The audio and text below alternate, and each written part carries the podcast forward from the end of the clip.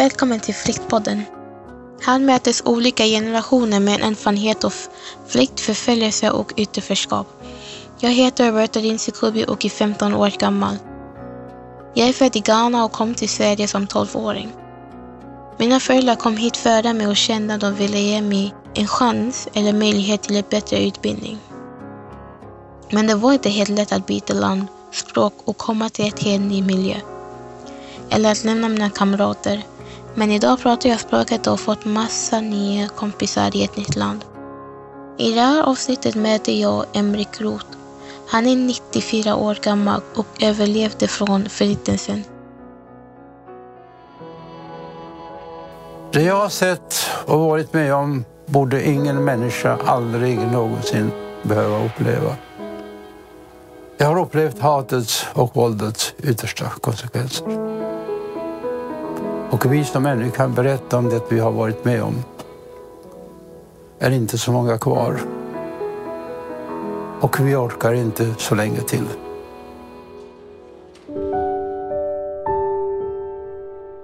Precis som många andra överlevare är han ute och föreläser i skolor om vad han har varit med om, bland annat med hjälp av en film som han har tagit fram om sitt liv. Han är född i dåvarande Tjeckoslovakien där han bodde med sina föräldrar och fyra yngre systrar. Jag möter honom under en föreläsning i mediehuset Fanzingo där jag går och lär mig göra mitt egen musik. Det blev ett starkt möte.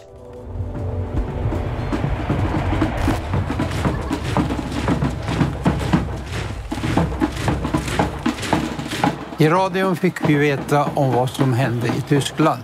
Om Hitler och judeförföljelser. Blinkt wie Windhunde, zäh wie Leder und hart wie Krupstar. Men vi upplevde det som ett land som låg långt borta. Men snart kom händelserna närmare och närmare.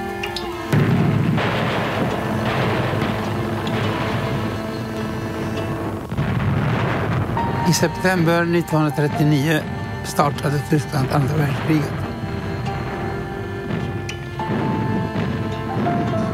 Ungern, som blev lydstat till Nazityskland, passade omedelbart på att återta vårt område som före första världskriget tillhörde Ungern. Eftersom antisemitismen, judehatet, sedan flera generationer har funnits i Ungern så har situationen för judarna efter ungrarnas maktövertagande successivt försämrats. Och jag minns att maten hemma blev mindre och mindre. Jag och min äldsta syster slutade skolan och började jobba för att bidra till försörjningen i familjen. När nazisterna kom tvingades Emriks familj ytterligare 3000 judar från hans stad att flytta till en provisorisk getto för att senare transporteras vidare till ett koncentrationsläger i trånga överfulla boskapsvagnar. I vagnens ena hörna fanns en stor hink som var avsett att användas som toalett.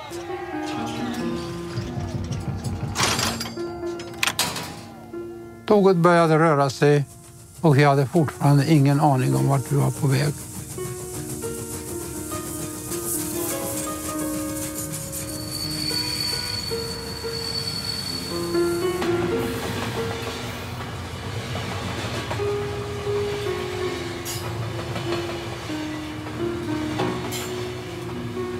Jag kommer inte ihåg hur många dagar transporten pågick. Men att det var flera dagar och nätter, det är jag säker på. Plötsligt stannade tåget. Dörrarna slets upp. Vi kunde genast höra hur de tyska soldaterna med grova röster vrålande. Raus, raus! Loss, loss! Schneller, schneller! De menade att vi skulle ut ur vagnarna fortare, fortare. Tåget hade nu kommit till sin slutdestination. Auschwitz-Birkenau.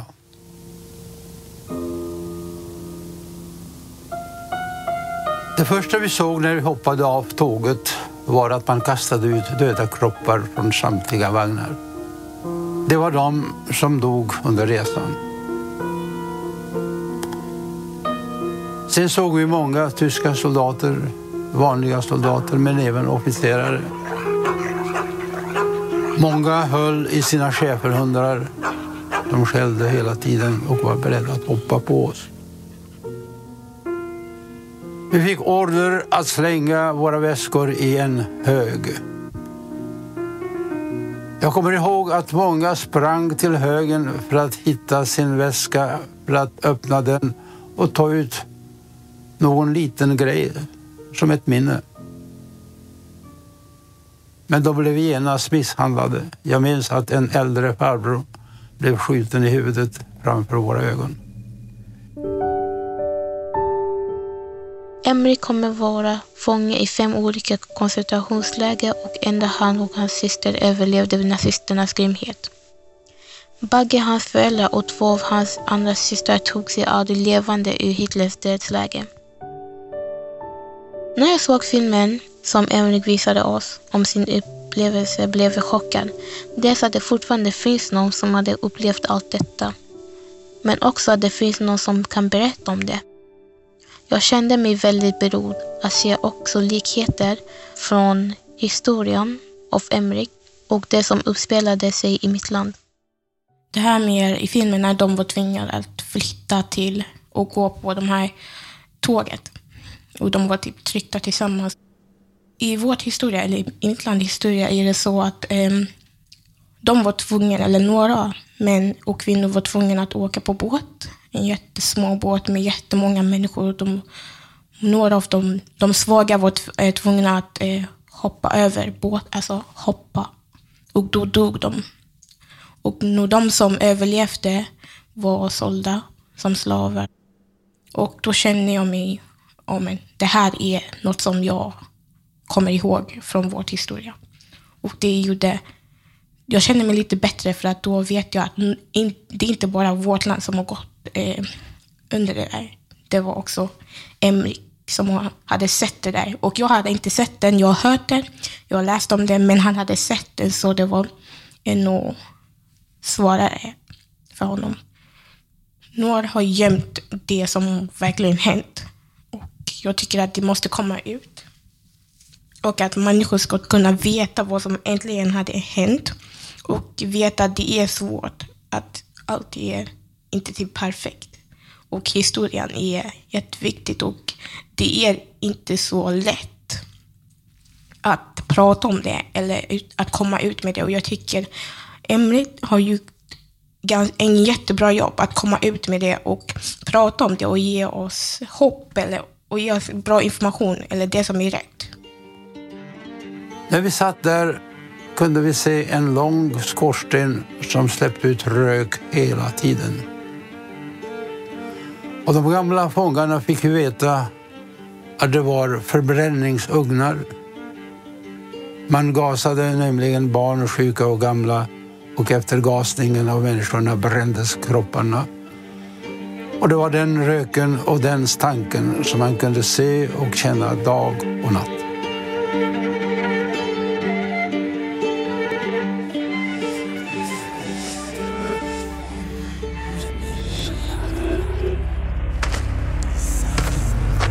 Man valde ut några fångar ibland som fick hjälpa till i köket med potatisskal och städning. En av dessa togs en gång på bar gärning när han stoppade på sig lite potatisskal. Som straff fick han stå en hel natt naken i en tunna fylld med iskallt vatten. Tyskarna använde nämligen potatisskal som svinföda.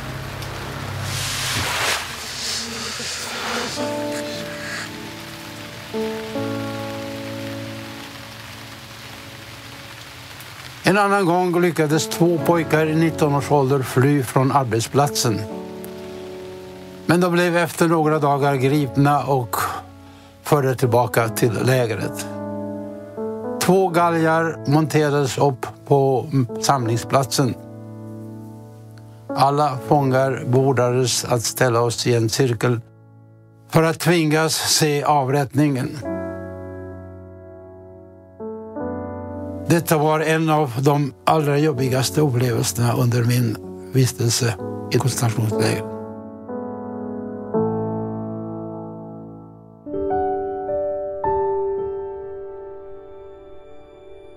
När andra världskriget var slut hade Hitlers Tyskland mördat cirka 6 miljoner judar, men också romer och polacker utsatta för folkmord grundande på rasistiska föreställningar.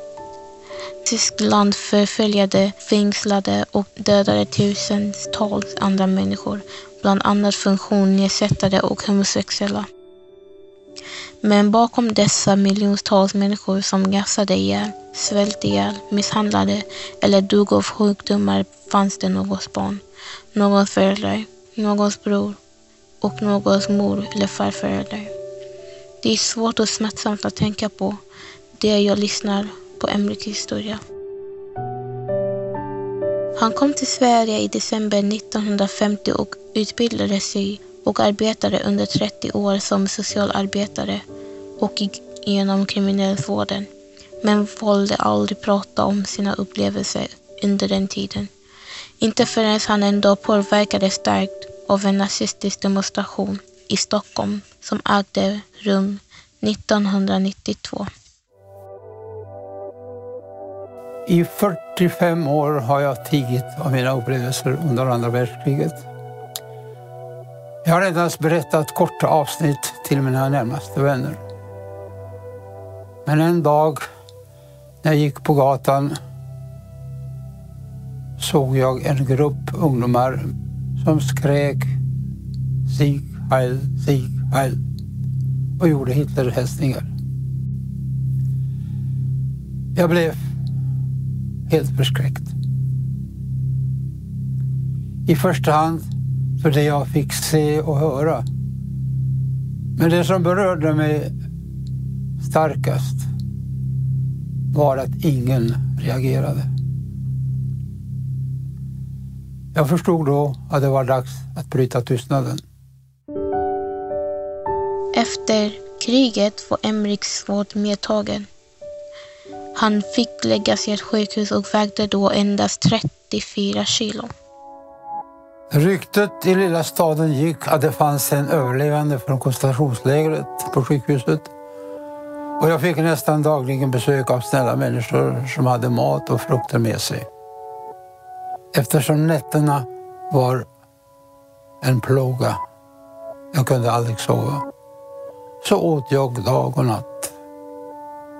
Jag ökade i vikt med 20 kilo på tre veckor.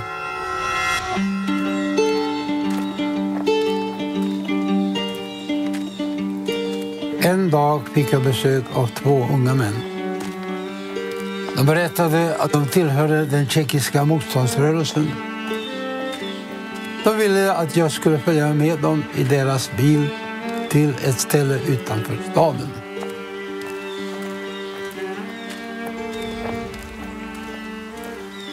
Där låg i halmen tre unga tillfångatagna SS-män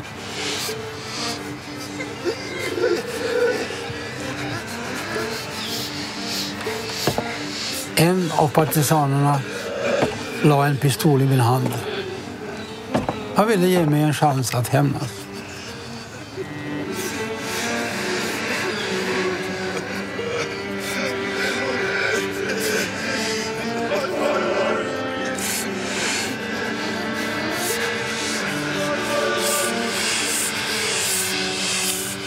Äcklad vände jag mig bort. Jag ville inte bli en mördare. Jag ville inte döda någon människa. Döden stod mig upp i halsen.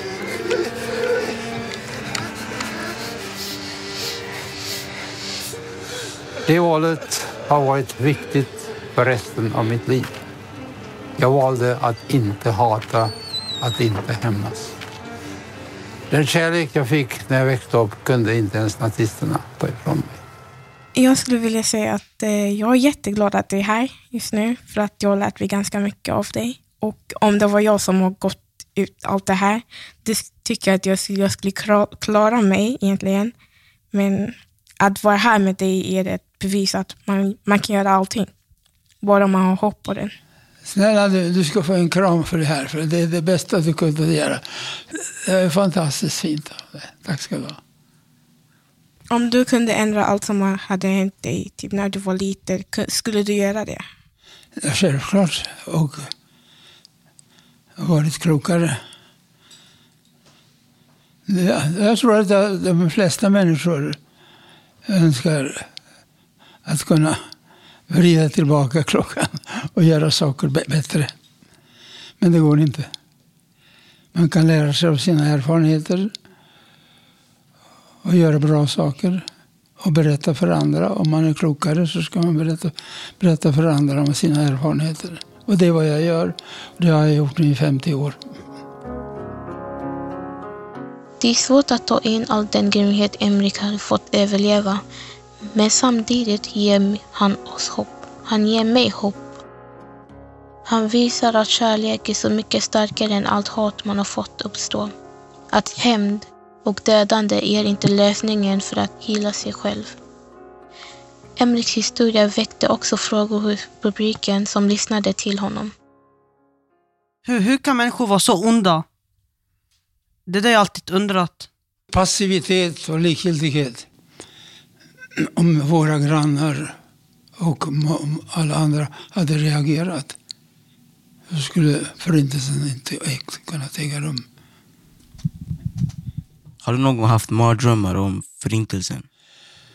Inte haft, utan jag har och kommer att ha mardrömmar så länge jag lever. Det kan jag inte göra något åt, tyvärr. Det får man leva med. Det är bara synd om min kära hustru som eh, jag väcker när jag skriker eller när jag ramlar från sängen. Jag undrar, eh, i koncentrationslägret, eh, när, när, man, när ni hade varit där ganska länge, vågade ni tro fortfarande på att ni skulle komma därifrån? Eller hur, hur tänkte de flesta på det? Det är just tron på detta. Och speciellt de människor som har haft ett kärleksfullt liv innan. Fått kärlek hade lättare att, att tro att allt blir bra igen. Och att det kommer att ta ett slut. Det är det som höll oss vid liv. Så i, i svåra, mycket svåra, när en människa hamnar i mycket svåra situationer, då är det inte den fysiska styrkan som är avgörande om man klarar sig. Det är många som tror det. Jag har sett eh, atletiska figurer med stora muskler falla som käglor och smala människor som överlevde. Och det är den psykiska styrkan som är var avgörande.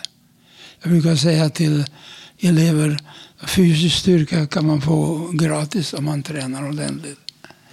Psykisk styrka får man genom kärlek. Och genom kärlek får man bra självförtroende. Och genom bra självförtroende får man psykisk styrka.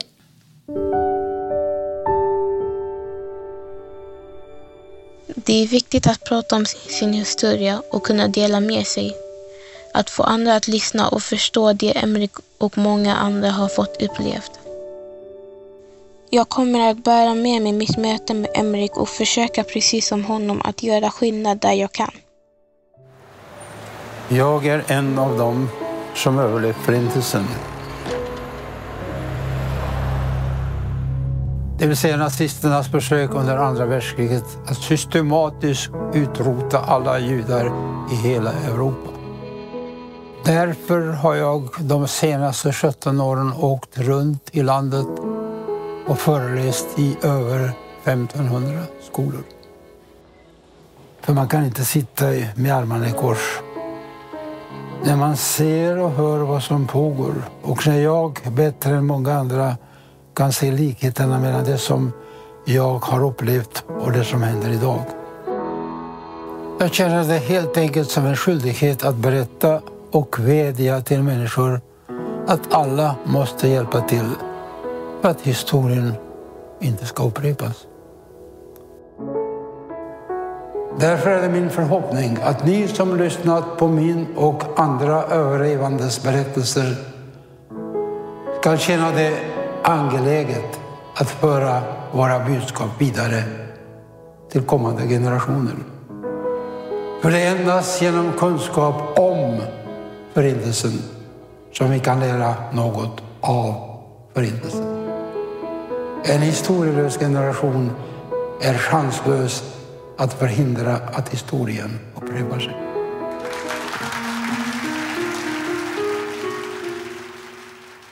Jag tyckte filmen var bra och jag lärde mig ganska mycket. Att inte hata så mycket. Att eh, inte hata mig själv för eh, min historia eller min bakgrund.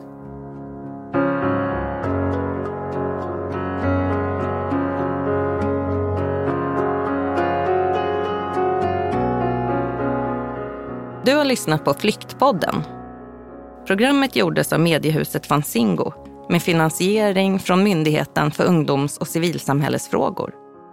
Producent Magnus Nilsson. Projektledare Samuel Sjöblom.